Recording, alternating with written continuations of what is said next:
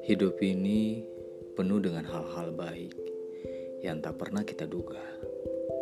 Akan tetapi, manusia cenderung memikirkan hal-hal negatif yang sebenarnya bisa ia hindari. Misalnya, daripada memikirkan menyerah, lebih baik memikirkan mencoba. Daripada memikirkan kematian, lebih baik memikirkan tentang berbagi dengan orang lain. Daripada mengkhawatirkan kehidupanmu setelah pensiun, lebih baik menabung sebagai persiapan.